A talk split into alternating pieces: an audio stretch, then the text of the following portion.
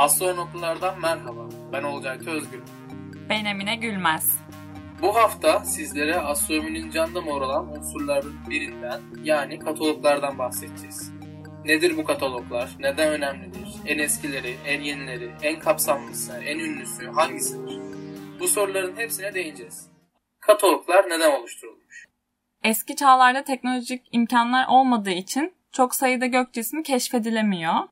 Ama keşfedilen gök cisimlerine de bir isim verilmesi gerek. Aa keşfettim tamam deyip konu kapatılmıyor tabii. Bu isimlendirmeler de keşfi yapan kişinin nereli olduğuna göre işte Yunanca, Latince veya farklı bir dilde olabiliyor. Ama artık günümüzde işler böyle değil ki. Bir iki isim vererek işin içinden sıyrılabilelim. Neredeyse sürekli yeni bir gezegen keşfedildi, yeni bir yıldız keşfedildi, yeni bir öte gezegen bulundu diye haberler duyuyoruz. E bu kadar çok gök cismiyle nasıl başa çıkacağız? Mecburen kataloglar olması gerekiyor. Zaten çok eski dönemlerden beri keşfedilen gök cisimlerinin sayısı arttıkça da sürekli bir kataloglandırma çalışmaları olmuş. Bu yüzden bilinen tüm gök cisimlerini listelemek daha sonraki araştırmalar için onlar hakkında kolayca bilgi edinebilmek açısından oldukça önemli. Yani çok eski dönemlerden beri bir kataloglandırma çalışmaları var dedin ya. İlk olarak nasıl başlamış? Yani başlangıçtan sonra nasıl gelişmeler olmuş? Biraz bunlardan bahsedebilir misin? Tabii. İlk olarak Hiparkos adında bir Yunan astronomla başlıyor bu macera. Aynı zamanda trigonometrinin temellerini de atmış kendisi. Hiparkos milattan önce 190-120 yılları arasında yaşıyor. Gökyüzü merakı olduğu için de sürekli yıldızları izliyor. Sonra bir gün izlediği yıldızların bir haritasını yapma kararı alıyor. Ve milattan önce 1129 yılında bir katalog yapıyor. Aslında tam olarak katalog şeklinde yapılıp yapılmadığı da bilinmiyor çünkü günümüze ulaşan bir kopyası yok. Daha sonra Ptolemy isimli gene bir Yunan astronomun bunu kullanarak oluşturduğu yıldız kataloğundan yola çıkılarak yaklaşık 1025 ve 1080 arası yıldız içerdiği düşünülüyor. Tabii Ptolemy'nin kendi oluşturduğu katalog daha gelişmiş ama bu da yeterli olmuyor. Ptolemy'den sonra da bize tanıdık gelecek olan bir isim var. Ulu Bey, Türk bir astronom. Semerkant'ta bir gözlemevi kuruyor. Burada yapılan gözlemlerle bir katalog oluşturuyor. Ve bu katalog 992 tane yıldızın gökyüzündeki konumunu içeriyor. Yaptığı hesaplamalarla Ptolemy'nin hesaplarının yanlış olduğunu iddia ediyor hatta ve oluşturduğu katalog 1655 yılında Avrupa'da yayınlanıyor. Yani hepsinden bahsetmeye kalkarsak saatler sürer hatta belki günler sürer o kadar fazla katalog var demek ki. Ama bu kadar çok katalog arasından günümüzde en çok hangisi kullanılıyor? Yani hangisi en kapsamlı olan katalog? En kapsamlısıyla başlayacak olursam Hubble Uzay Teleskobu için oluşturulan kataloğun adı HST-GSC diye kısaltılıyor. Açılımı da Hubble Space Telescope Guide Star Katalog yani baş harflerinin kısaltılmışı. Bu katalog aslında Hubble'ın yapacağı uzay yolculuğu sırasında yönünü bulması için oluşturuluyor. Yani bizim cep telefonlarımızda kullandığımız navigasyon bizim için ne anlama geliyorsa bu katalog da Hubble için aynı anlama geliyor. Bu katalog 19 milyon gök cismi içeriyor. Ve bu gök cisimlerinin sadece 15 milyonu yıldızlardan oluşuyor. Geri kalan 4 milyon da diğer gök cisimlerini oluşturuyor. En çok kullanılan da 225 bin yıldız içeren Henry Draper kataloğu. Annie Cannon ve Edward Pickering tarafından 1911 yılında yapılmaya başlanıyor. Ama 1915 yılında tamamlanabiliyor. Yıldızlar gök koordinat sistemindeki konumlarına göre sıralandırılıyor bu katalogda ve günümüzde Harvard Üniversitesi Astronomik Gözlemevi yıllıklarının 91 ve 99 ciltleri arasında. Bunların dışında bir de astronomide bizim sürekli duyduğumuz, sürekli duyulan NGC ve Messier gibi kataloglar da var. Bize bunlardan da biraz bahsedebilir misin acaba? İlk olarak mesela NGC kataloğuyla başlayalım. Tabii. NGC yani New General Katalog. Gene baş harflerinden geliyor kısaltılmış hali. Bu katalogda 8000'in üzerinde nesne var. Ve sadece galaksilerle sınırlı değil. Bunu vurgulamak istiyorum çünkü NGC'nin sadece galaksi kataloğu olduğuna dair yanlış ve yaygın bir algı var. Aynı zamanda güncel halini alması da yıllar sürüyor. Aslında hiç de burada anlattığımız gibi basit bir şey değil bu kataloglandırma olayları. İlk olarak 1880'lerde Dreyer tarafından William Herschel ve oğlu John'un gözlemleri kullanılarak derlenmesiyle başlıyor. Zaman içerisinde ekleme yapılması gerektiği önerileri süre gelirken ilk büyük değişiklik yine Dreyer tarafından endeks katalog adıyla yapılıyor. Yani eskiden hepimizin evinde olan sarı sayfalar gibi tüm yıldızları içeren bir indeks olduğu iddiasında. 1895 ve 1908 yıllarında iki bölüm halinde yayınlanıyor. Gökada, bulutsu ve küme keşiflerini özetliyor bize bu kataloglar. Tabi o yıllar artık teknolojik imkanlar biraz daha iyi olduğu için bazı cisimleri fotoğraflamak da mümkün oluyor ve bu sayede daha sönük cisimler de kataloğa girebiliyor. Daha sonra tekrar güncelleme geliyor. Bu defa adı RNGC oluyor. Yani yıldız harici astronomik nesnelerin gözden geçirilmiş yeni kataloğu. 1970'lerin başında iki astronom tarafından derlenip yayınlanıyor. Ama astronomlar bu güncellemeyi yaparken daha önce yayınlanmış birkaç düzeltmeyi dahil etmiyorlar.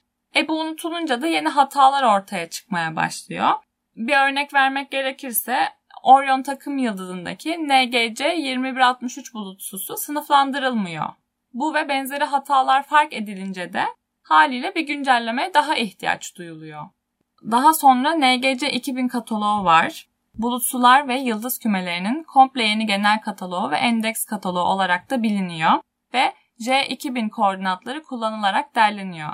J2000 koordinatlarının ne demek olduğunu merak edenler ve daha fazla bilgi edinmek isteyenler sitemizdeki yazıyı ziyaret edebilirler. Az önce bahsettiğim NGC ve indeks kataloğun 1988 derlemesi olarak da düşünebiliriz bunu.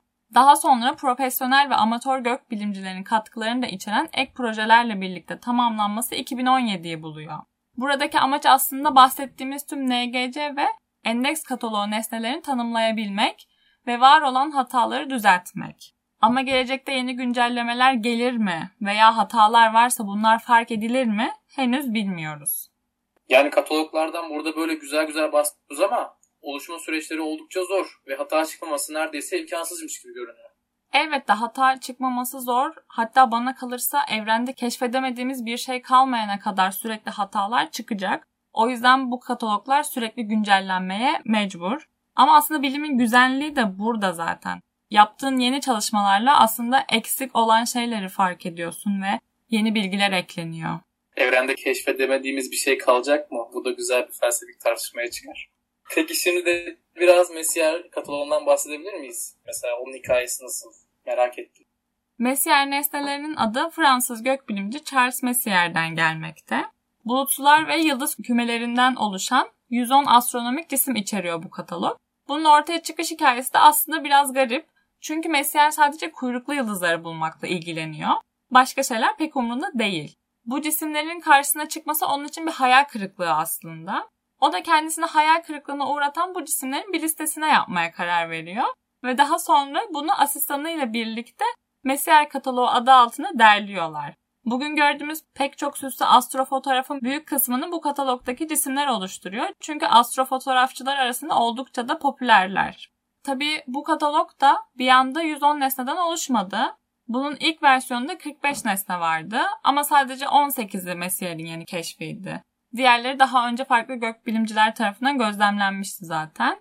45 nesne içeren bu ilk versiyon 1774'te Paris'teki Fransız Bilimler Akademisi dergisinde yayınlanıyor. 1780'de katalog 80 nesneye yükseldi. Daha sonra 103 oldu derken son halde 1784 yılında yayınlandı. Bununla da kalmadı, eklentiler devam etti. İlk eklenti 1921'de geldi ve 1967'ye kadar devam etti. Katalog yıldız kümeleri ve bulutsulardan gök adalara kadar çok çeşitli ve tanıdık astronomik nesneler içeriyor. Örneğin Messier 1 desem aklınızda bir şey canlanmayacak ama yengeç bulutsusu dediğimde gözünüzün önüne hemen o meşhur fotoğraf gelecek. Messier'in asıl amacı kuyruklu yıldızları kataloglamak olduğu için bu katalogda yıldızlardan ziyade derin uzay cisimleri olarak adlandırdığımız bulutsular, gök adalar ve yıldız kümeleri mevcut. O zamanın şartlarında bu cisimler kuyruklu yıldızlara en çok benzer şeyler oldukları için kuyruklu yıldız arayan birinin bunlarla karşılaşması çok doğal. Peki bu kadar katalogdan bahsetmişken son olarak sana bir soru daha sormak istiyorum. Ve bu soruyu eminim ki çoğu dinleyicimiz de merak ediyor. Bu kataloglardan ben gidip bir yıldız satın alabiliyor muyum? Tabii ki hayır. Ama bazı şirketler ticari amaçla bunu yapıyorlar. Yani belli bir ücret karşılığında istediğiniz isme özel size bir sertifika gönderiyorlar. Bir de ücretlendirmeler yıldız türüne göre değişiyor. Mesela ben çiftli yıldız isimlendirmek istersem daha fazla para ödemem gerekiyor. Ama bu isimlendirmelerin satın almaların bilimsel olarak hiçbir geçerliliği yok yani. Ve böyle bir geçerlilik olmadığı için de aynı yıldızı farklı isimlerle başkasına da satıyorlar.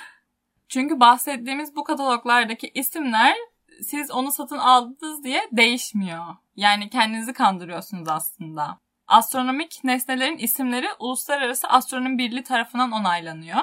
Ve onlara da bu firmalar yüzünden sürekli yıldız satın alma talebi gidiyormuş. Konuya dair bir açıklamaları var. Açıklamayı Uluslararası Astronomi Birliği'nin sayfasında da bulabilirsiniz. Diyorlar ki sürekli yıldız adlandırmak istiyorsunuz ama bizim böyle bir hizmetimiz yok. Ve başka yerlerden ücret karşılığında isimlendirdiğiniz yıldızların da hiçbir bilimsel geçerliliği yok. Ayrıca bu durum sadece yıldızlar için değil, gök adaları ve diğer astronomik cisimler için de geçerli. Yani yıldız alamıyorsunuz ama galaksi alabilirim diye bir mantık yok. E, hiçbir şey alamıyorsunuz. Tabii ki adlandırma yapılırken belli kurallar çerçevesinde yapılıyor bu ama herhangi bir ticari işlem söz konusu değil. Yani fikir ne kadar romantik ve güzel görünse de bilimsel hiçbir değeri veya bilimsel hiçbir geçerliliği yok ama gerek var mı?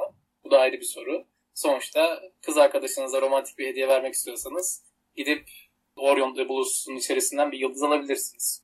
Evet, verdiğim bilgiler için çok teşekkürler Emine. Gerçekten çok güzel bir yayın oldu. Astronomide kataloglar ile ilgili yayınımızın sonuna gelmiş bulunuyoruz. Yayınımızın yazılı haline ve ek içeriklere erişmek isterseniz astronotlar.space adlı internet sitemize göz atabilirsiniz. Ayrıca astronotlar.space.gmail.com e-posta adresimize konuştuğumuz içeriklere dair düşüncelerinizi belirtebilir, değinmemizi istediğiniz konuları yazabilir, bir kitap, link veya bilgi paylaşımında bulunabilirsiniz. Sosyal medya hesaplarımızı Instagram ve Twitter'dan astro alt çizgi notlar olarak takibi almayı unutmayın. Facebook'tan vazgeçmem diyenler ise bizi astronotlar sayfasında bulabilirler. Gelecek hafta görüşünceye dek gökyüzüne iyi bakın, hoşçakalın. Hoşçakalın.